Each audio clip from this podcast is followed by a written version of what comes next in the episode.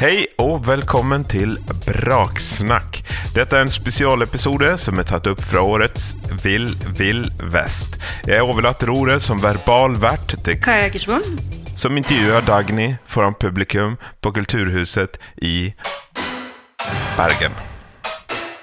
Vi får ta del i Dagnys reise til poptoppen via oppveksten i Tromsø, stuekonsertturné, artistdrømmer i London og internasjonal platekontrakt. Dessuten får vi høre et tidlig utkast av Dagnys debutsingel 'Backbeat'. Velkommen til Braksnakk. Hei! Velkommen. Jeg heter Kaja Ekersmoen. Jeg er til vanlig journalist i NRK i en podkast som heter Oppdatert, og har jobba som kulturjournalist. Men nå er jeg jo her for å lede en samtale med Dagny, og vi skal gjennom Dagnys karriere. Og det har jo gått gjetord om Dagnys karriere i mange år, og det er jo ikke noe tvil om eh, hva slags posisjon hun egentlig har. Men i sommer så befesta du virkelig posisjonen din som en av Norges største arti artister da du var foran et skikkelig svett og stappfullt Øyafestivalen på hovedscenen. Og ikke bare har Rolling Stones Magazine kalt henne for en skandinavisk favoritt. Du har en milliard avspillinger på forskjellige strømmetjenester. Og i går så kom nyheten om at 'Somebody', låta di, er den mest spilte på norsk radio for andre år på rad. Takk. Takk. Men veien dit, den har jo også vært litt trøblete. Du har nesten gitt opp. Du har tatt en ganske halsbrekkende operasjon som har ødelagt karrieren til mange artister før deg. Og eh, du har blitt dumpa av et amerikansk plateselskap. Og alt dette det skal vi finne ut mer av og grave i. Men først Det begynner på 90-tallet. Vi er i Tromsø. Du vokser opp i en musikalsk familie. Og du griper enhver sjanse til å stå foran speilet med feiekost og synge. Em, ja, det kan du vel si. Jeg tror jeg var ganske glad i å um, opptre, eller um, Ja, fra ganske ung alder. Uh, men ironien er at jeg hadde overhodet ingen drøm om å bli uh, uh, musiker, egentlig. Jeg tror Som barn så har du en sånn tendens til å kanskje drømme om ting som er litt sånn uoppnåelig. Og musikk var en veldig stor del av husholdet hos oss, eh, egentlig bestandig. Så jeg skulle jo liksom bli jeg føler at det her er sånn her, jeg har sagt så mange ganger, men jeg skulle bli astronaut. eh, og jeg skulle bli fotballkeeper, og det var jeg veldig seriøs med en periode. Og så hadde jeg lyst til å bli ballerina, så det var liksom alt annet enn musikk. Men eh, benytta enhver mulighet til å opptre i stua hjemme, ja. Mm. Men uh, var det fordi at foreldrene dine var på en måte etablerte musikere? At du ikke ville bli artist, eller hvor lå det der? Jeg vet ikke, jeg tror bare ikke det var noe sånn som Ja, det var jo liksom veldig mye musikk hjemme, og jeg var veldig glad i musikk. Um, men jeg tror nok ikke at jeg hadde fått den der uh, epiphanyen ennå. ja, og den kom jo ganske mye seinere, faktisk. Mm. Men det finnes uh, en gang hvor du og familien var på vei til Andøya. Og du og søstera di Juna, som også er med her og er manageren din, dere eh, fikk plutselig et slags hasteoppdrag og skulle opptre på en festival. Og dere må ha vært sånn seks-syv år gamle. Jeg tror jeg var seks. Det var, um, vi har hytta på Andøya, i, eh, liksom, øverst i Vesterålen. Og der har de noe som heter Julijam uh, i juli. Og uh, da var vi med mamma og pappa på lydprøve og um, sang en liten låt som heter Ute på bryggekanten. Uh, og så han som arrangerte, som heter Svein, Svein Spjelkavik, som er en ganske sånn stor kulturprofil i Nord-Norge, han eh, sa at det måtte vi få opptre. Så da, elleve på kvelden, så var det jeg og Juna på seks og åtte eh, som opptredde ute på bryggekanten eh, på julejammen på Andenes. Og det er faktisk mitt første minne av å stå på en eh, scene og, og synge, da. Mm. Tror du at det var et rush, eller har du noen følelse av hvordan det kan ha vært for deg? Eh, Jeg vet ikke om det var det som liksom gjorde at jeg endte opp med pop liksom ti år senere, men, eh, det var men det var jo Jeg var definitivt dratt mot scenen, ja, det tror jeg. Mm. Jeg tror De fleste seksåringer ville jo ikke klart det. Å stå foran så utrolig mange folk. Og bare synge, og, og det er ikke planlagt engang, omtrent. Jeg tror det var verre for Juna enn for meg. Eh, og jeg tror ikke at jeg hadde um, Jeg tror ikke jeg hadde kommet eh, Altså, prestasjonsangst var ikke et ord som jeg hadde noe spesielt forhold til på det tidspunktet, tror jeg. Mm. Så deilig. Ja, det kunne godt ha fått lov å vare lenger. Men så eh, begynner jo ting å snu. Fordi etter hvert så blir det jo trukket mer og mer mot musikken. Og så er det en musikktime på ungdomsskolen, og den er i hvert fall med på å forandre det litt for deg. I et komposisjons... Ja, um, ja for jeg var jo um, Jeg hadde jo musikk på ungdomsskolen, eh, som uh, man jo har, og um, fikk da to i musikk. og det var jo selvfølgelig ganske pinlig for ei som uh, kom fra en jazzfamilie og uh, kanskje hadde tatt det litt for gitt at musikk skulle være et fag som jeg skulle beherske, da. Um, så jeg, jeg fikk, følte nok litt for at jeg måtte gjøre noen endringer og ta det litt mer seriøst. Og um, så var det naturlig nok, da, som en som har to i uh, musikk, så var jeg i sånn gruppa i sånn komposisjonsprosjekt med de to som aldri var på skolen. Um, så vi skulle ha en sånn fremførelse på en fredags uh, ettermiddag, og på torsdag så hadde vi fortsatt ingenting å fremføre. Så da måtte jeg rett og slett bare hive meg rundt og skrive en låt med de tre-fire akkordene som jeg kunne på gitar, og for øvrig fortsatt kan på gitar.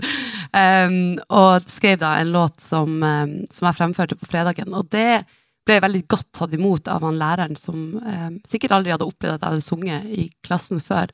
Så han begynte rett og slett å sette meg opp på scener rundt omkring og på konserter rundt omkring i byen. Så mitt første oppdrag da, uh, etter det var faktisk oppvarming for Tone Damli på Torget i Tromsø. Og det var veldig, veldig stas. Det var rett etter Idol-tida, og det var en skikkelig stor greie. ja. Og derfra uh, så er det jo også en situasjon hvor du sitter hjemme og ser på TV, og så ser du et opptak som du skal bli skikkelig inspirert av. Ja, um, det var en, jeg tror det var rundt juletider, og det må ha vært rundt samme tida som det her komposisjonsprosjektet, så var vel kanskje rundt niendeklassen. Um, så et opptak av eh, Eva Cassidy på eh, TV når hun satt i en liksom mørk eh, pub eh, med kassegitaren eh, i Brooklyn, tror jeg det var. Um, og de sendte bare NRK sånn tre-fire låter. Og, um, og, jeg ble så utrolig tatt av det. Um, og derav tror jeg nok den derre eh, Plutselig den der ideen om å være låtskriver og synge og spille akustisk gitar og klare å liksom um, skape den følelsen da, som jeg følte at hun skapte i meg. Um, det var nok der den kanskje ble født sånn ordentlig. Um, så det var vel i utgangspunktet låtskriver jeg på en måte hadde lyst til å bli, da. og, og det var nok det som ble driven, at jeg hadde lyst til å bli låtskriver. Og, og så var det vel en måte å liksom få prøvd de låtene jeg skrev, var jo at jeg måtte ut og spille, og det gjorde jeg egentlig fra nesten helt fra begynnelsen. Altså Med en gang det var en mulighet, så var jeg der og skulle spille, og på kafébarer og på Hurtigruta og på alle mulige scener som fantes i Tromsø. Um, og der var det nok den der Jeg oppdaga liksom scenen, uh, at det også var en plass som jeg følte meg veldig hjemme, da. Uh, og at det kanskje nesten ble en enda større motivasjon enn den låtskrivingsdelen. Um, bare den følelsen av å stå på scenen. Mm. Og det er veldig gøy, fordi man, jeg har gått litt tilbake i arkivet til eh, Nordlys, avisa. Og da er det noen år med Dagny hvor det er bare sånn, det kommer opp 100 søk. Ikke bare var det liksom en fast del av et sånt panel, ungdomspanel hvor det kommer meningene deres. De vant, de vant også Årets ansikt, en slags modellkonkurranse. Og hver gang de refererte til deg, så var det som eh, Årets ansikt. ja, det var, og det faen meg tok et tiår før de slutta å referere til meg som det. Jeg bare, Herregud, kan vi bare glemme det der? Men de skrev jo også om disse små gigsene som du tok overalt. Og det, det er som du sier, det var veldig sånn kletti og pletti jobber. Eh, med en gang det var noe som skjedde i lokalmiljøet, så var du liksom opp og frem og, og spilte. Ja, det ble litt sånn. Og det var ganske mye sånn der, eh, spesielt sånn veldedighetskonserter. Og mye livemusikk egentlig i Tromsø generelt. Og det, um, så det, ja, det var mye spilling, altså, fra børjan, egentlig. Og så ja. skrev du en låt på den tiden her ja. som het uh, Silence. Ja. Jeg ble jo um, Jeg var mye mer dramatisk da jeg var ung enn jeg var i voksen alder, heldigvis. Uh, men jeg har jo fått meg min første kjæreste, uh, Tony André, som fra Skibåten. Eh, og var stormforelska. Og så um, gjorde han det slutt. Og det må jo også ha vært rundt denne tida da jeg begynte å like, klimpre på gitaren. Så, um, så, da var det liksom bare alle følelser som skulle ut da, gjennom uh, musikken. Og um, skrive en låt som heter Silence. Og det er sånn at broderen han kan fortsatt spørre meg om ikke jeg kan dra den der silence når vi spiller konserter nå. Um, så den festa seg da, tydeligvis. Det er så bra. Det er så deilig. Mm. Og så, så går det noen år. Mm. Eh, og så gjør du et ganske drastisk valg. Du er 21 år gammel, og du bestemmer deg for å flytte til London for å satse på musikk. Greia er bare at du kjenner ingen der. Du har ikke noe nettverk. Og veit du egentlig liksom helt hvor du skal begynne når du drar dit? Hvordan, hvordan går du egentlig frem? Ja, um, egentlig så er det nok kanskje litt sånn misforstått greie, og det er sikkert jeg som har vært og, og sagt det i et intervju, men det er at jeg dro til London for å satse på musikk. For jeg tror egentlig ikke at jeg dro til London for å satse på musikk. Det var nok bare at um, jeg var veldig opptatt av musikk, og så bestemte jeg meg vel i en alder av 21 at jeg hadde lyst til å flytte fra Tromsø. Og så um, Og så hadde jeg da møtt han som står der, han Richard. Og jeg hadde møtt eh, faktisk gjennom en camp som Fredrik som sitter her borte, hadde arrangert, vært med, tror jeg, og arrangert i Tromsø, en låtskrivercamp, der det var en låtskriver som heter Sasha Scarbeck. Um, og jeg hadde ikke noe forhold til Oslo, og jeg kjente en del folk i Bergen, men jeg kjente ingen musikere i Bergen, så når jeg da skulle flytte, så var det litt sånn der finger i været og se hvor vinden blåser, og da kjente jeg jo to musikere i London, så det var jo en start. Da hadde jeg i hvert fall noen som likte det samme som jeg likte, å drive med musikk, så Eh, og så ble jo jeg og Richard kjærester, da.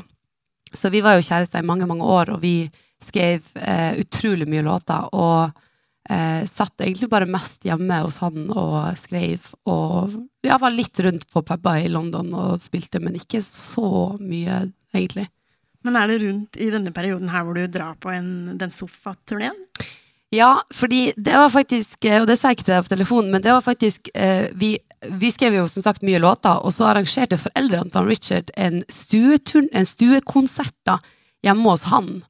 Eh, og derav så ble denne ideen om en stueturné født. Fordi at vi hadde jo lyst til å spille, men det var jo ingen som hadde hørt om oss heller.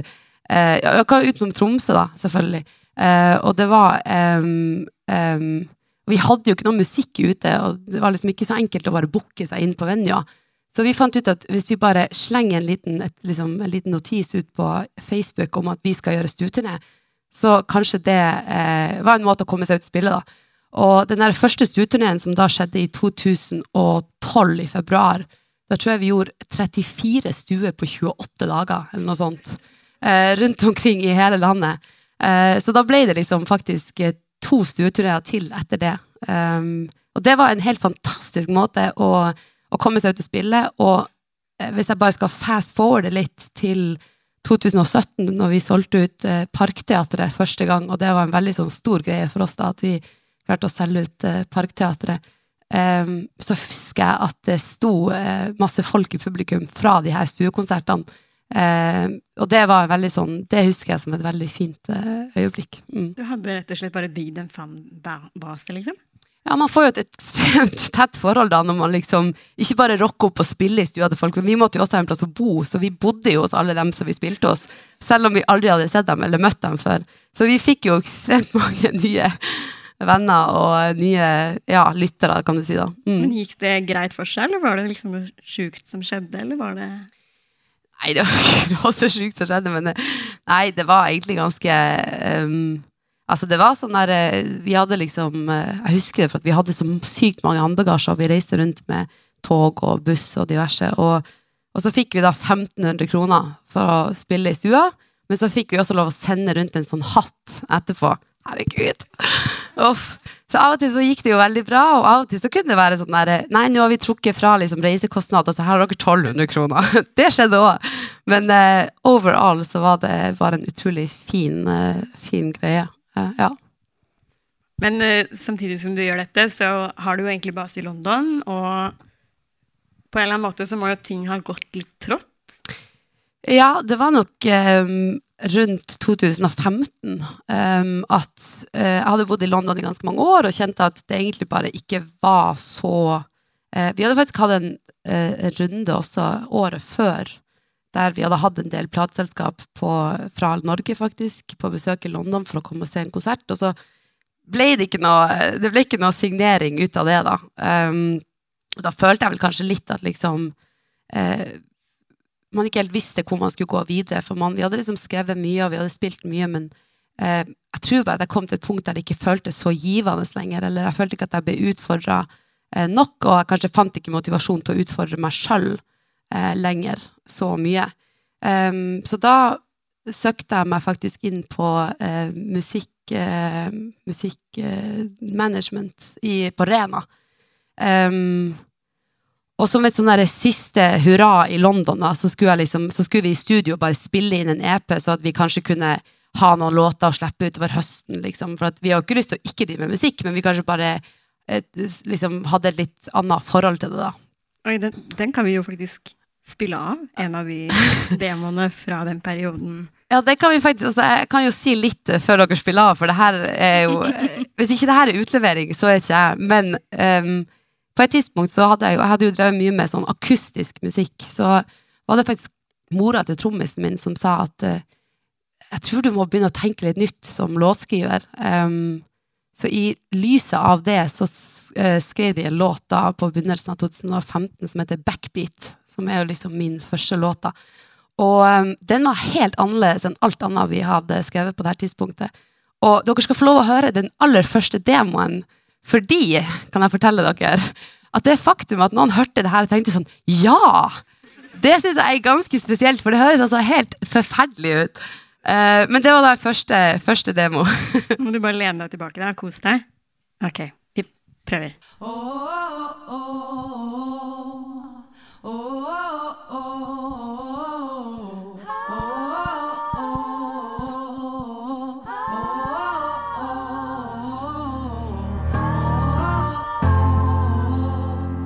jo etter den, da. For dem som husker kan den låten.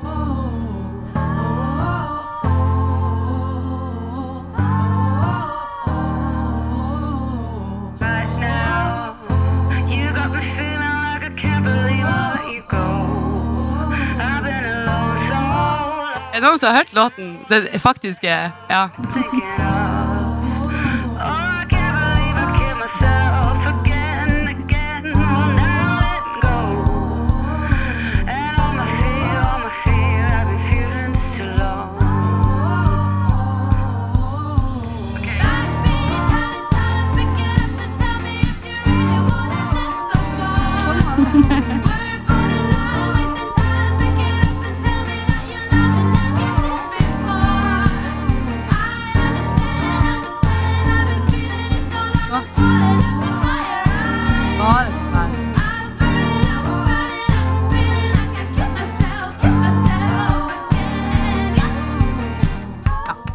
Holder. Hva tror dere? Ja. Jeg føler, man, eh, jeg føler man hører at det var to, to Vi satt jo i bakskuret i, i, hagen til han Sam, han som skrev den med, og drakk vin, og satt bare der, og vi lagde så mye rart. Og jeg husker at når vi sendte den her, så skrev jeg, og det står faktisk i den mailen som jeg sendte til så står det eh, 'backbeat', og så sånn parentes. Uh, 'Don't worry, it's only a working title' parentes slutt. Um, og når jeg så denne mailen da i dag, uh, i morges jeg skulle sende den til deg, så var det liksom sånn derre Yes, this sounds great! Love it! This really sounds like something! For jeg hadde noen som jeg jobba med i England, da. Og nå tenker jeg bare hva i guds Du skal faen meg være Du skal legge godvilje til for å, for å høre det. Men det ble jo låta vi alle kjenner. Men det som er så fantastisk, er at rett før så hadde du gitt opp. Du skulle på dette studiet. Um, men av en eller annen grunn så, så blei du værende i London for å satse på musikken fordi faren din sa at du burde gjøre det. Ja, det var, det var liksom en sånn veldig stor avgjørelse. For du har jo sånn rundt 20. juli så må du liksom svare på om du skal komme inn på skolen eller ikke. Og da var jeg veldig frem og tilbake. Eh, for da hadde vi jo som sagt denne låten, og vi hadde spilt inn den faktiske versjonen, og, og fikk litt sånn ja, men faen, kanskje vi bare skal kjøre på liksom en høst til, da. Um, så, men så var jeg veldig usikker og følte at jeg hadde gjort det her mange ganger og veldig mye frem og tilbake hele tida. Liksom, å nei, hva det jeg driver med, og hva det må gjøre noe av plan B og alt det der. der.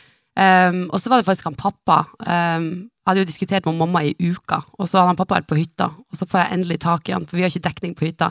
Så sier han hæ? Nei, du må jo bli i London. Her må du i hvert fall kjøre på til du blir i hvert fall 30, sa han. Og det var liksom bare måten han sa det på, så var det sånn ja det er jo et Hvorfor ikke, liksom? Så det ble faktisk det avgjørende um, Det ble faktisk det avgjørende for at jeg ble i London. Og det gikk jo bare kanskje en måned, halvannen, fra den samtalen til um, Backbeat da på en måte egentlig endra ekstremt mye, kan du si. Mm. Ja, for det er en, egentlig en sykt fantastisk historie. For det er en fredag kveld, du er i London, du er hos en venninne, og så får du den derre sjukt viktige telefonen som bare skal snu opp ned på alt, og hele karrieren din. Hvordan var den telefonen?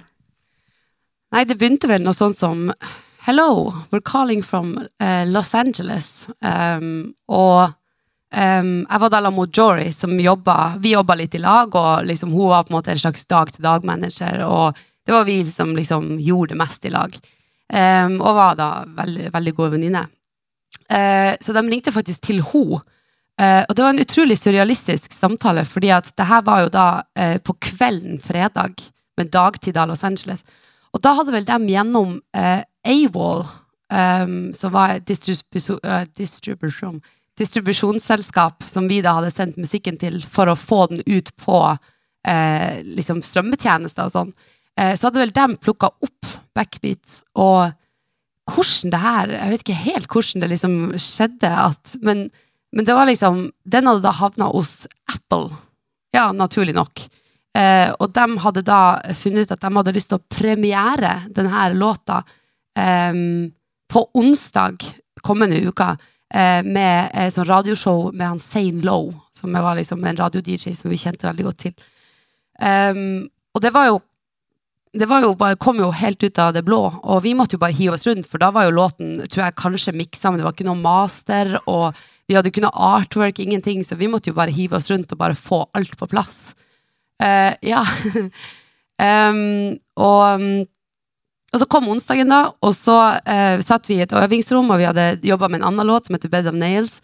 Og så um, satt vi og jobba på den, og så måtte vi skru på radioen, og så kom det liksom Yes, we're doing a world premiere, og det var liksom Yes, Dagny with backbeat. Og så spilte de låta, og vi liksom bare poppa champagne, og ikke champagne, Prosecco, sikkert en billig Prosecco fra Tesco. Um, og uh, alle liksom rundt i rommet, og yes, det var så gøy. Og så, når låten er ferdig, så er det liksom bare rett inn i en ny låt. Og det var en sånn superantiklimaks, for alle var liksom bare der. Og så var låten ferdig, og så var det sånn ny sang, og alle bare Ja. Og så var det sånn Ja, nei, men da Ja, da var låten ute, da. Så ja, hva gjør vi nå? Og så så vi bare på hverandre, og ingen var sånn. Så var det bare tilbake til øving. Og jeg husker jeg spiste et ostesmørbrød på toget hjem og snakka med Richard, og var sånn Yeah, so I guess the song is out. Og han bare Yeah, I guess so. Og vi hadde liksom det var ingenting mer enn det. Liksom. Vi ante ikke hva som skulle skje, eller hvordan liksom, Det var ingenting. Men det skjer jo dagen etterpå. Ja. Allerede dagen etterpå at ting begynner å rulle av seg selv. ja. Um, ja, og um, Det som skjedde, var vel at liksom, blogger begynte vel å plukke opp, liksom, og, og vi hadde noen som var med på altså, Jeg vet ikke, men det var liksom det, Man begynte å kjenne at det var en eller annen um, buzz rundt låten, da. Um, og at det var mange som skrev om den, og den fikk jo Jeg så jo også hvordan folk reagerte, liksom, uh, når vi hadde posta om det på Facebook, og, og, det var liksom Det var veldig spennende. Um, og så skrev jo Line Up Best Fit, som er da en sånn musikknettside eller musikkblogg eller sånn, um, om den. Og så var det bare en ordentlig sånn buzz i lufta. Og så når vi våkna opp da på fredag, så var liksom låten på masse New Music Friday-spilleliste. Um, og det var vel det som kickstarta, for da begynte vel folk også i bransjen kanskje å skjønne at her var det et eller annet som, uh, som skjedde, da. Som ikke de hadde fått med seg, kan du si. Hvordan er det liksom å, å bare våkne opp til at du er med på sånn 25 New Music Friday-lister? for å være helt ærlig så vet jeg ikke om jeg visste hva New Music Friday var. det var ingen som fortalte oss at fredag var den store dagen å slippe musikk på. Um, men um, det var jo veldig spesielt, og vi um, gjorde vel Og det begynte jo, mailer begynte å renne inn, og jeg tror i løpet av uka, så var vi liksom, eller i løpet av et par uker, så var vi liksom allerede på vei til USA og møtte masse plateselskap. Og vi gjorde jo en med Propeller her i Norge, hadde vi en avtale og gjorde liksom en greie um, her i Norge med dem. Og så var det liksom ut og møte um, altså Island og Republic og um, Capital og um, Og det var jo en helt annen verden enn det vi visste av, liksom. Hvordan er det når, når, du er i den heisen på vei opp til kontoret til Republic? Ja, nei, fordi det endte jo da med at vi signerte med Republic, og det det funka visst, kan du si. fordi at der er det sånn at du kommer liksom De har et kontor i New York, og så kommer du inn der, og så Og så idet heisen går opp, så bare dundrer musikken din på liksom alle høyttalerne i hele kontoret. Masse bilder av deg på alle skjermene på veggen, og det er ordentlig sånn der eh, Ja, vet, de vet hva de gjør, da. så Um, og da husker jeg liksom at på, på, Republic så ble vi tatt inn uh, til et sånn klassisk sånn Som du ser på amerikanske TV-show, sånn der klassisk hjørnekontor der det er liksom bare vinduer fra, fra gulvet til taket. Og så husker jeg at en av de første jeg møtte, det var en Jeg husker ikke hva han heter, men han var da head of radio på eh, Republic. Og Um, ble jo senere tatt for uh, metoo, men det er en annen story. Um, men han var da er jo ganske høy, så jeg er jo A80, og han kan ha vært uh, maks A50. Men han hadde altså det største egoet jeg har møtt noen gang. Så han var liksom sånn derre jo mer rappkjeftig jeg kunne være, eller hvor mer stjerne jeg oppførte meg, jo mer responderte han på det. Og ikke for å dra den der small town girl fra Tromsø, men altså, det var en ganske annen verden. Og det husker jeg at det ble en utrolig sånn derre kulturkrasj av liksom oss som sitter i øvingslokalet og skriver backbeat og eh, spiser smørbrød på veien hjem til han da i det her kontoret og bare vil at du skal liksom være stjerne, liksom. Så det husker jeg ble en skikkelig sånn eh, ganske sånn kulturkrasj. Eller sånn bare et uh, veldig sånn uh, Det ble et ordentlig møte da med en verden som ikke vi kjente så godt til, kan du si. Men hvordan, hvordan stålsetter man seg egentlig for det, liksom? Er, blir det til at man må legge fra seg noe av seg selv på et eller annet sted på vei inn i disse rommene? Eller? Nei, jeg føler jo egentlig at det er kanskje det man ikke bør gjøre, da. Um, jeg vet ikke, men det er jo kanskje lett at du føler at du må ta på deg en rolle. Og jeg tror at jeg kan forstå hvordan det presset uh, oppleves for mange, og hvordan man føler at man kanskje må fylle en rolle og være på en viss måte, eller oppføre seg på en viss måte, eller kle seg på en viss måte. Men jeg tror egentlig clouet er at du kanskje ikke prøver å gi etter for det, men heller bare være deg sjøl, liksom. Um, så klisjé som det høres ut, så tror jeg at, um, at det Jeg er veldig glad for at jeg på en måte ikke ble dratt inn i det der så mye, da. Mm. Og det gikk jo veldig fint, men uh, du hadde jo også et annet møte den samme dagen med et annet selskap Island. Ja. Og det var jo et helt annet type sted. Ja, fordi at det sto vel til syvende og sist mellom Republic og Island. Som er liksom begge en del av Universal, og de har liksom kontor rett over eller under hverandre. da.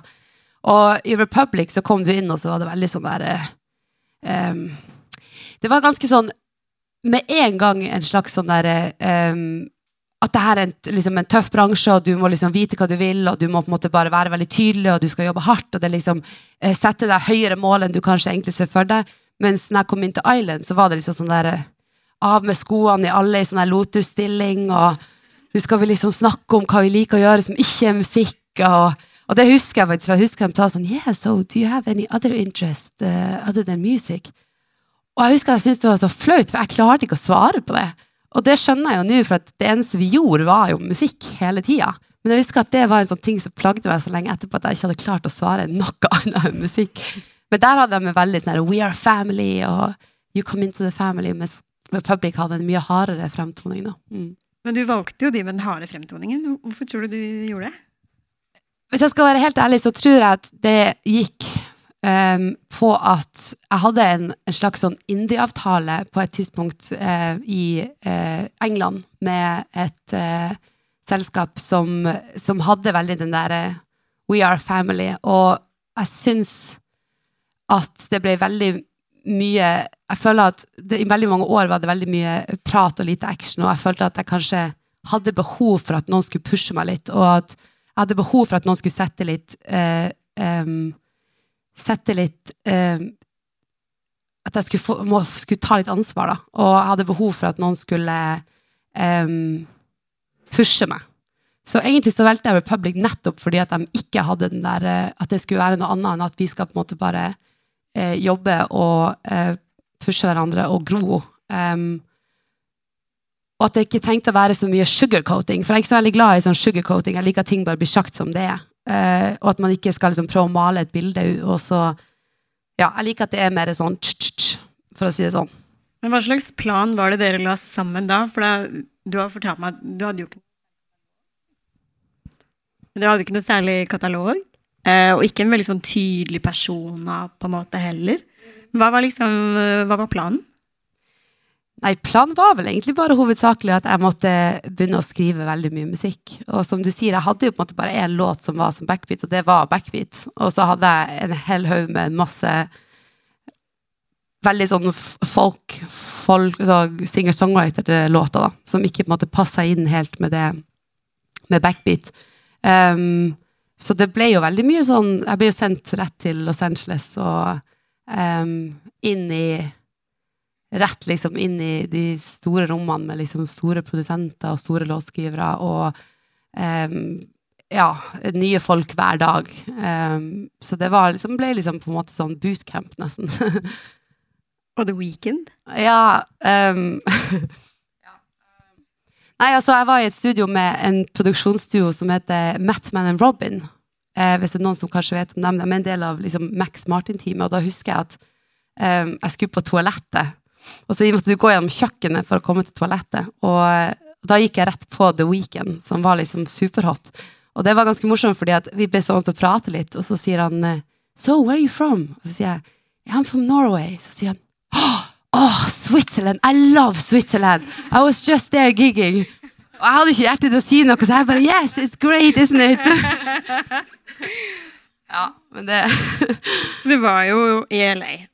Og samtidig som du skal lage musikk, så skal du også på en måte prøve å finne ut av hvem er Dagny. Du skal på en måte bli en sånn helstøpt artist. Og plateselskapet har sikkert forventninger til hvordan man skal bli liksom, den artisten og få et image også.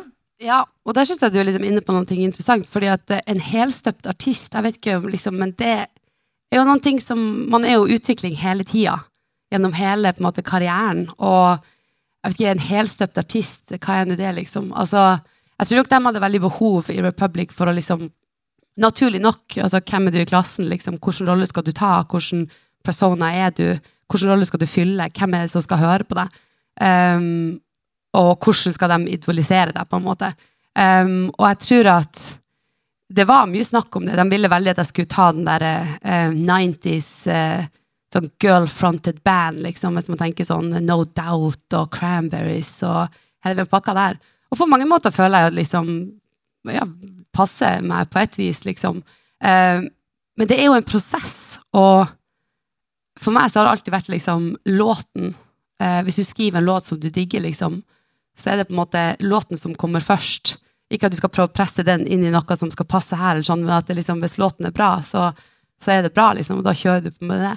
Um, så jeg følte jo at selv om jeg hadde hatt mange år på å gro og utvikle meg, så starta vi jo på en måte prosessen helt på nytt igjen, for nå var det plutselig en helt annen uh, greie liksom med backbeat og um, Så det var jo liksom Vi måtte jo prøve å feile litt. Når jeg ser tilbake på den første videoen, backbeat, liksom, så tenker jeg bare sånn herregud. Men det er jo bra, da, tenker jeg. Jeg håper jo at jeg ser tilbake om ti år og ser på videoen til Somebody og tenker sånn herregud. Så det, liksom, det, betyr jo at det har vært i utvikling, da, som jeg tror er viktig, og det må man på en måte tillate seg. Og det er ofte det som kanskje blir vanskelig med sånne store selskap, at du får liksom ikke muligheten til å utvikle deg, for du skal på en måte allerede vite hvem du er, da. Og det gjorde jeg nok på mange måter ikke. Hvordan er det? Og så tar de deg liksom inn i et rom og har et møte og sier sånn Ja, vi vil at du skal være litt mer sånn og sånn, og Eller hvordan, hvordan gjør de det i praksis? Ja, det er jo mye møter, selvfølgelig. Um, jeg syns jo ofte at liksom når du har en mer butikk-tilnærming, så får du jo, uh, altså i et plateselskap, så får du kanskje muligheten til å jobbe tettere med folk, som jeg syns er mer fruktbart på et vis. Sånn at vi skulle nok kanskje hatt mer egentlig sånne tette møter og hatt tettere dialog på et vis, men det var jo mye snakk om, om det. Men, um, men det kunne komme mer i sånn der Jeg husker f.eks. at vi dro på en sånn fem ukers radioturné i USA. Og, eh, og, det var jo veldig sånn tidlige morgener og masse fly og uh, lite tid til å liksom gjøre noe annet enn å bare show up, liksom. Og da husker jeg på slutten av turneen så var det noen av dem fra plateselskapet som sa at så sier jeg ja, hva kunne ha vært bedre? Er det noen tilbakemelding liksom, på de her siste fem ukene? Og da var det han ene sa ja, hvis jeg skulle si én ting, så er vel kanskje at vi skulle kanskje ha lagt litt mer effort i liksom hvordan jeg så ut.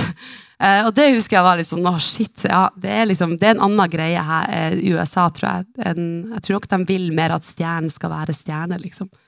Og det, jeg vet ikke om det passer meg helt, men jeg um, må få lov å si at det liksom Nå når jeg ikke er med Republic lenger, så er jeg ikke sånn ekstremt takknemlig for den tida. Fordi at uh, jeg tror ikke at ting hadde vært i dag som det var. og Um, mer enn noe annet så likte jeg veldig godt at de hadde en veldig høy terskel for hva som gikk igjennom, som gjør at der det er et fokus i dag på at man skal ut med musikk hele tida, du skal hele tida holde deg aktuell og sånn, så tror jeg at det går litt på bekostning av um, Det kan potensielt gå litt på bekostning på kanskje um, At du, du, tar litt sånne raske beslutninger på ting, men det der å få liksom få tid til å skrive og velge heller få låter, men som du føler er skikkelig god, um, det syns jeg var veldig fint, og det passa meg veldig bra. Og det, det følte, følte jeg at de gjorde. da. Vi slapp aldri noe med mindre vi var liksom 100% sikre på at vi følte at det var en ordentlig sterk låt. liksom. Og på den tida her så, så, går det jo ganske fint og bra i utlandet. Men du er ikke veldig stor hjemme ennå. Men så skjønner jo eh, de norske avisene, media, at, at, det skrives om deg i utlandet, og med det så kaster de seg også litt på. Og så er det en konsert i Trondheim som du holder, hvor det går ganske dårlig. ja, da skal, vi få, uh, da skal vi få over det flere år. Uh, på det tidspunktet så har jo Martin Nilsen, som er i Live Nation, kommet inn og uh, har vært en veldig stor drivkraft blant, alt. Så vi har jo spilt veldig mye. men det var jo da i 2018 at vi var på en konsert i Trondheim Uh, og det var en barnefestival, og det visste ikke vi, men det, var en barnefestival i hvert fall. Og så fem låter inn i konserten, og vi skulle spille da i nesten en time eller 45 minutter, eller hva det var. Så bare var det ingen stemme uh, igjen.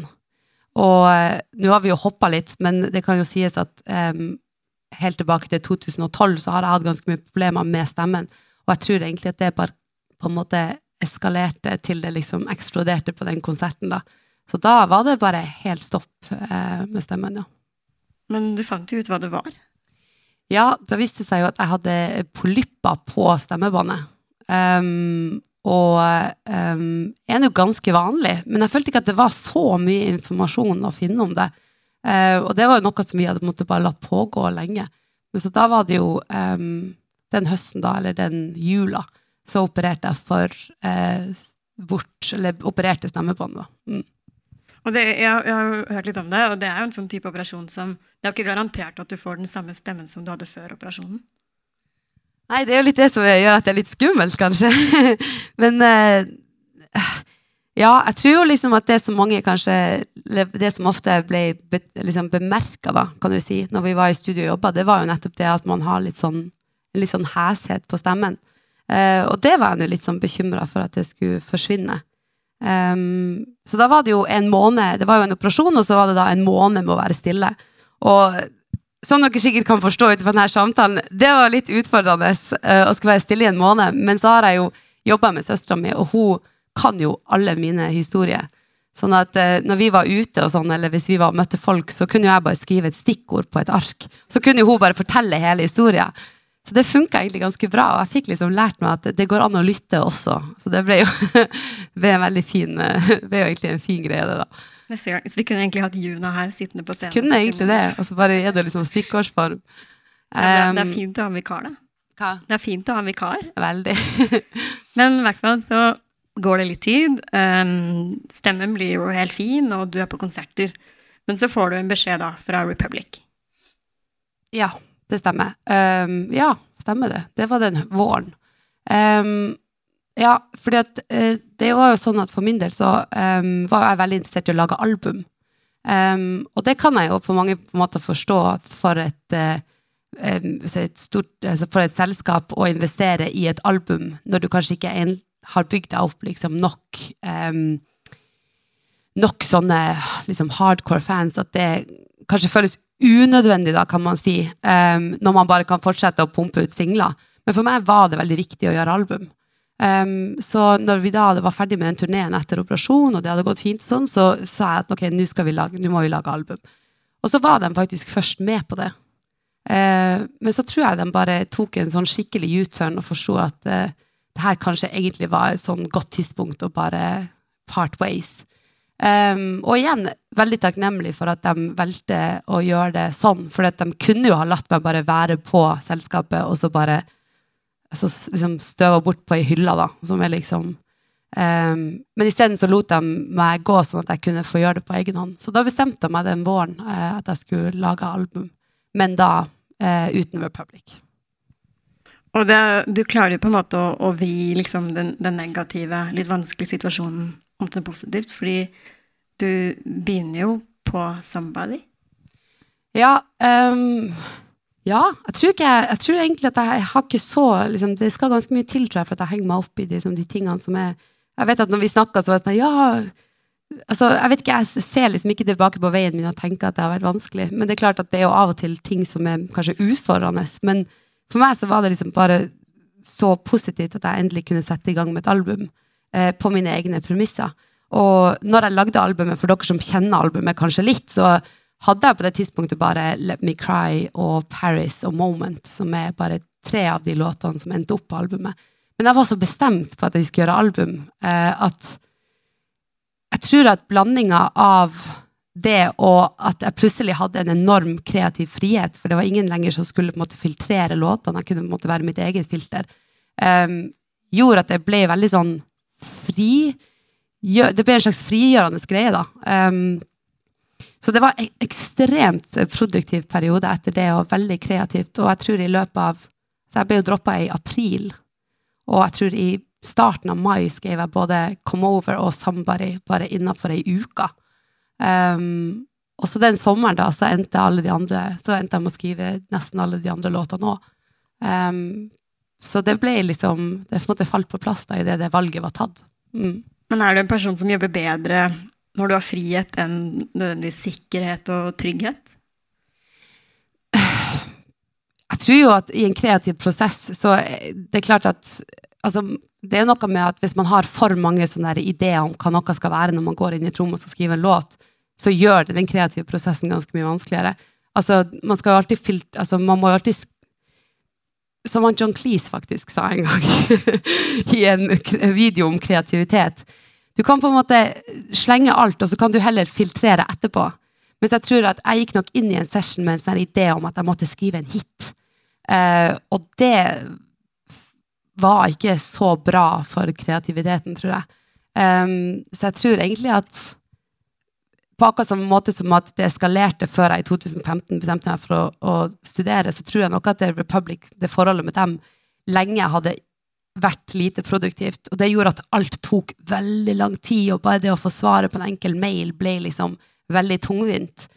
Så jeg tror at når det har liksom fått bygd seg opp lenge nok, og du bare føler deg ekstremt uh, frustrert, og så plutselig så slipper du taket, så tror jeg nok at det gjorde noe med eh, kreativiteten, ja. Og det å bare droppe alle de forestillingene om hva det måtte være, og world hit og alt det der, det var liksom Jeg vet ikke hvordan man skriver world hit. Eh, tror jeg noe mer enn veldig mange andre, så det liksom eh, Det ble veldig um, fint å kunne tenke på det på en annen måte, liksom. Mm. Så da var du jo liksom litt ute av det der litt oppslukende maskineriet. Ja, det kan du si. Um, ja, men så var jeg fortsatt uh, Og så bestemte vi oss egentlig for å lage albumet, um, og tok ikke noe kontakt med noen nye selskap, um, egentlig. og bare bestemte oss for at uh, vi lager albumet, og så ser vi hva som skjer. og så fikk vi da kontakt med Så jo, kom jo da Universal i Norge uh, og i Tyskland inn i bildet høsten 2019. Og det ble en ganske annen måte å gå inn i et samarbeid, for vi endte opp med å gjøre nytt, en ny deal med dem da, med en såkalt lisensavtale. Um, og det å gå inn i et samarbeid med en slags sånn altså når jeg gikk inn i Republic i samarbeid med dem, så var det på en måte ingenting som vi baserte det på annet enn backbeat. Men når jeg gikk inn i samarbeid med Universal, så var det sånn Ok, her er det jeg har tenkt å gjøre. Her er det som albumet skal være. Her er sånn som jeg vil at det skal se ut. Hvis dere er interessert i å være med på det og syns at dette er en kul greie, så kan vi gjøre noe i lag. Men hvis dere ikke kicker på det her, det er det her det skal være. Så hvis dere ikke kicker på det, så er det ikke noe vits at vi inngår noe samarbeid. Og det gjør liksom at premissene for samarbeid ble ganske annerledes, da. Um, som gjør at jeg også i dag i dag har mye større frihet til å velge musikken sjøl, uten at noen skal på en måte involveres. Og um, jeg tror at de hadde en tydeligere forståelse en måte for hva det var. Og det er jo også naturlig, for det var gått ganske mange år da, mellom Republic og Universal, så man hadde jo fått vokst mye på den tida. Hvorfor tror du det var viktig? At, at du hadde vært litt i bransjen, du hadde lært litt av gamle feil, og du hadde kanskje vokst litt også, liksom? Ja, det tror jeg nok absolutt. Um, og ja, og den lære, læringskurven kan man jo gjøre på mange måter, og jeg lærer jo hele tida fortsatt. Um, men altså, man må huske når man signerer en avtale, at det å signere en avtale i seg sjøl er ikke det som er målet. Det er liksom, jeg tror det er liksom misforståelsen, at man bare signerer noen ting, så er det liksom good. Men um, jeg følte kanskje at uh, denne gangen så var det liksom Det var mer, det handla mer om det kreative, og um, Ja. Det er liksom uh, Vi visste på en måte hva vi skulle gjøre i større, i større grad, da. Og det første albumet ditt kom jo ut. Det gikk veldig bra. Og nå er du jo litt i gang med album nummer to. Ja. Um, men veldig tidlig i prosessen fortsatt. Um, og jeg har jo aldri gjort album før, så uh, veldig mange snakker jo om det er vanskelig andre albumet, og det har nok jeg kanskje liksom, i stor grad eh, kimsa litt av. Eller sånn, ikke egentlig, men på en måte. Jeg har i hvert fall ikke visst hva det betydde. Men det som skjer når du, eller det som jeg opplevde når jeg gjorde første albumet, var jo at du prøver å liksom konkretisere i et album hvem du er som artist, og du liksom prøver å skape en, liksom, en sound som er liksom på et vis liksom definerende for deg. Um, og så når du er ferdig med det albumet, så er det sånn Oi, shit, og nå må jeg gå ut og finne en helt ny måte å gjøre det på. Og nå skal jeg på en måte være det jeg er, men samtidig også være noe helt nytt. For at man har ikke lyst til å skrive låt igjen og igjen. Man har jo lyst til å, å gå videre. Men jeg tror nok at etter liksom, 'Strangers Lovers', så var førstealbumet, da, så visste jeg ikke helt hva liksom hva starten på det neste kapitlet var. Og det føltes ut som at jeg bare fortsatte å skrive låter som var slutten på det forrige kapitlet. hvis du skjønner. Så det har vært en skikkelig prosess, det der å skulle skrive liksom, eh, helt nye ting og bli inspirert på nytt og pushe seg, men fortsatt ikke helt miste det som man føler man naturlig kicker på. da. Um, så det er vel bare først nå at jeg kjenner at ok, Um, litt sånn som med forrige album, men nå har jeg bare bestemt meg for hva datoen for albumet skal være. Og så vet jeg at jeg har mange låter jeg liker, men jeg vet ikke helt hva det skal være ennå, eller hvordan jeg skal pakke det inn. Um, men bare det å sette i gang den prosessen har vært uh, utrolig uh, deilig, da. Å komme i gang igjen. Kan du gi oss noe sånn pekepinn på hvor, hvor, det skal? Sånn retningsmessig? Er det en annen sound? Er det um, det er ikke western, liksom? Nei, altså jeg prøver jeg jo, Nå jeg føler jeg at jeg er liksom blitt kjent for å skrive kjærlighetslåter og skrive liksom forelskelseslåter, men det må da være en måte på hvor jævlig mange forelskelseslåter man kan gjøre. Så nå prøver jeg liksom å ikke bare skrive om forelskelse. Um, og så um, føler jeg at der som albumet er nå, og det kan jo forandres veldig mye før det skal ut, eh, men jeg føler at det er kanskje litt mer tekstbasert enn det forrige albumet. Og så er jo målet at jeg skal få det ut før sommeren, da. Men dere må ikke bli overraska hvis det liksom kommer etter sommeren. Tusen takk, Dagny. Vi gleder oss masse til albumet neste år. Tusen takk.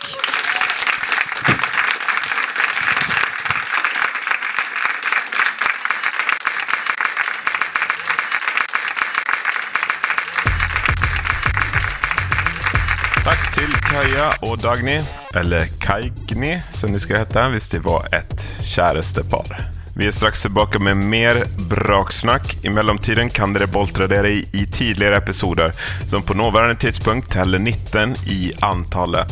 Abonner gjerne på Braksnakk, og følg oss gjerne på Facebook og Instagram hvis du vil følge med på hva vi driver med. Vi er støttet av Norsk kulturråd, Vestland fylkeskommune og Bergen kommune. Mitt navn er Christian Stockhaus, og dette er Braksnakk!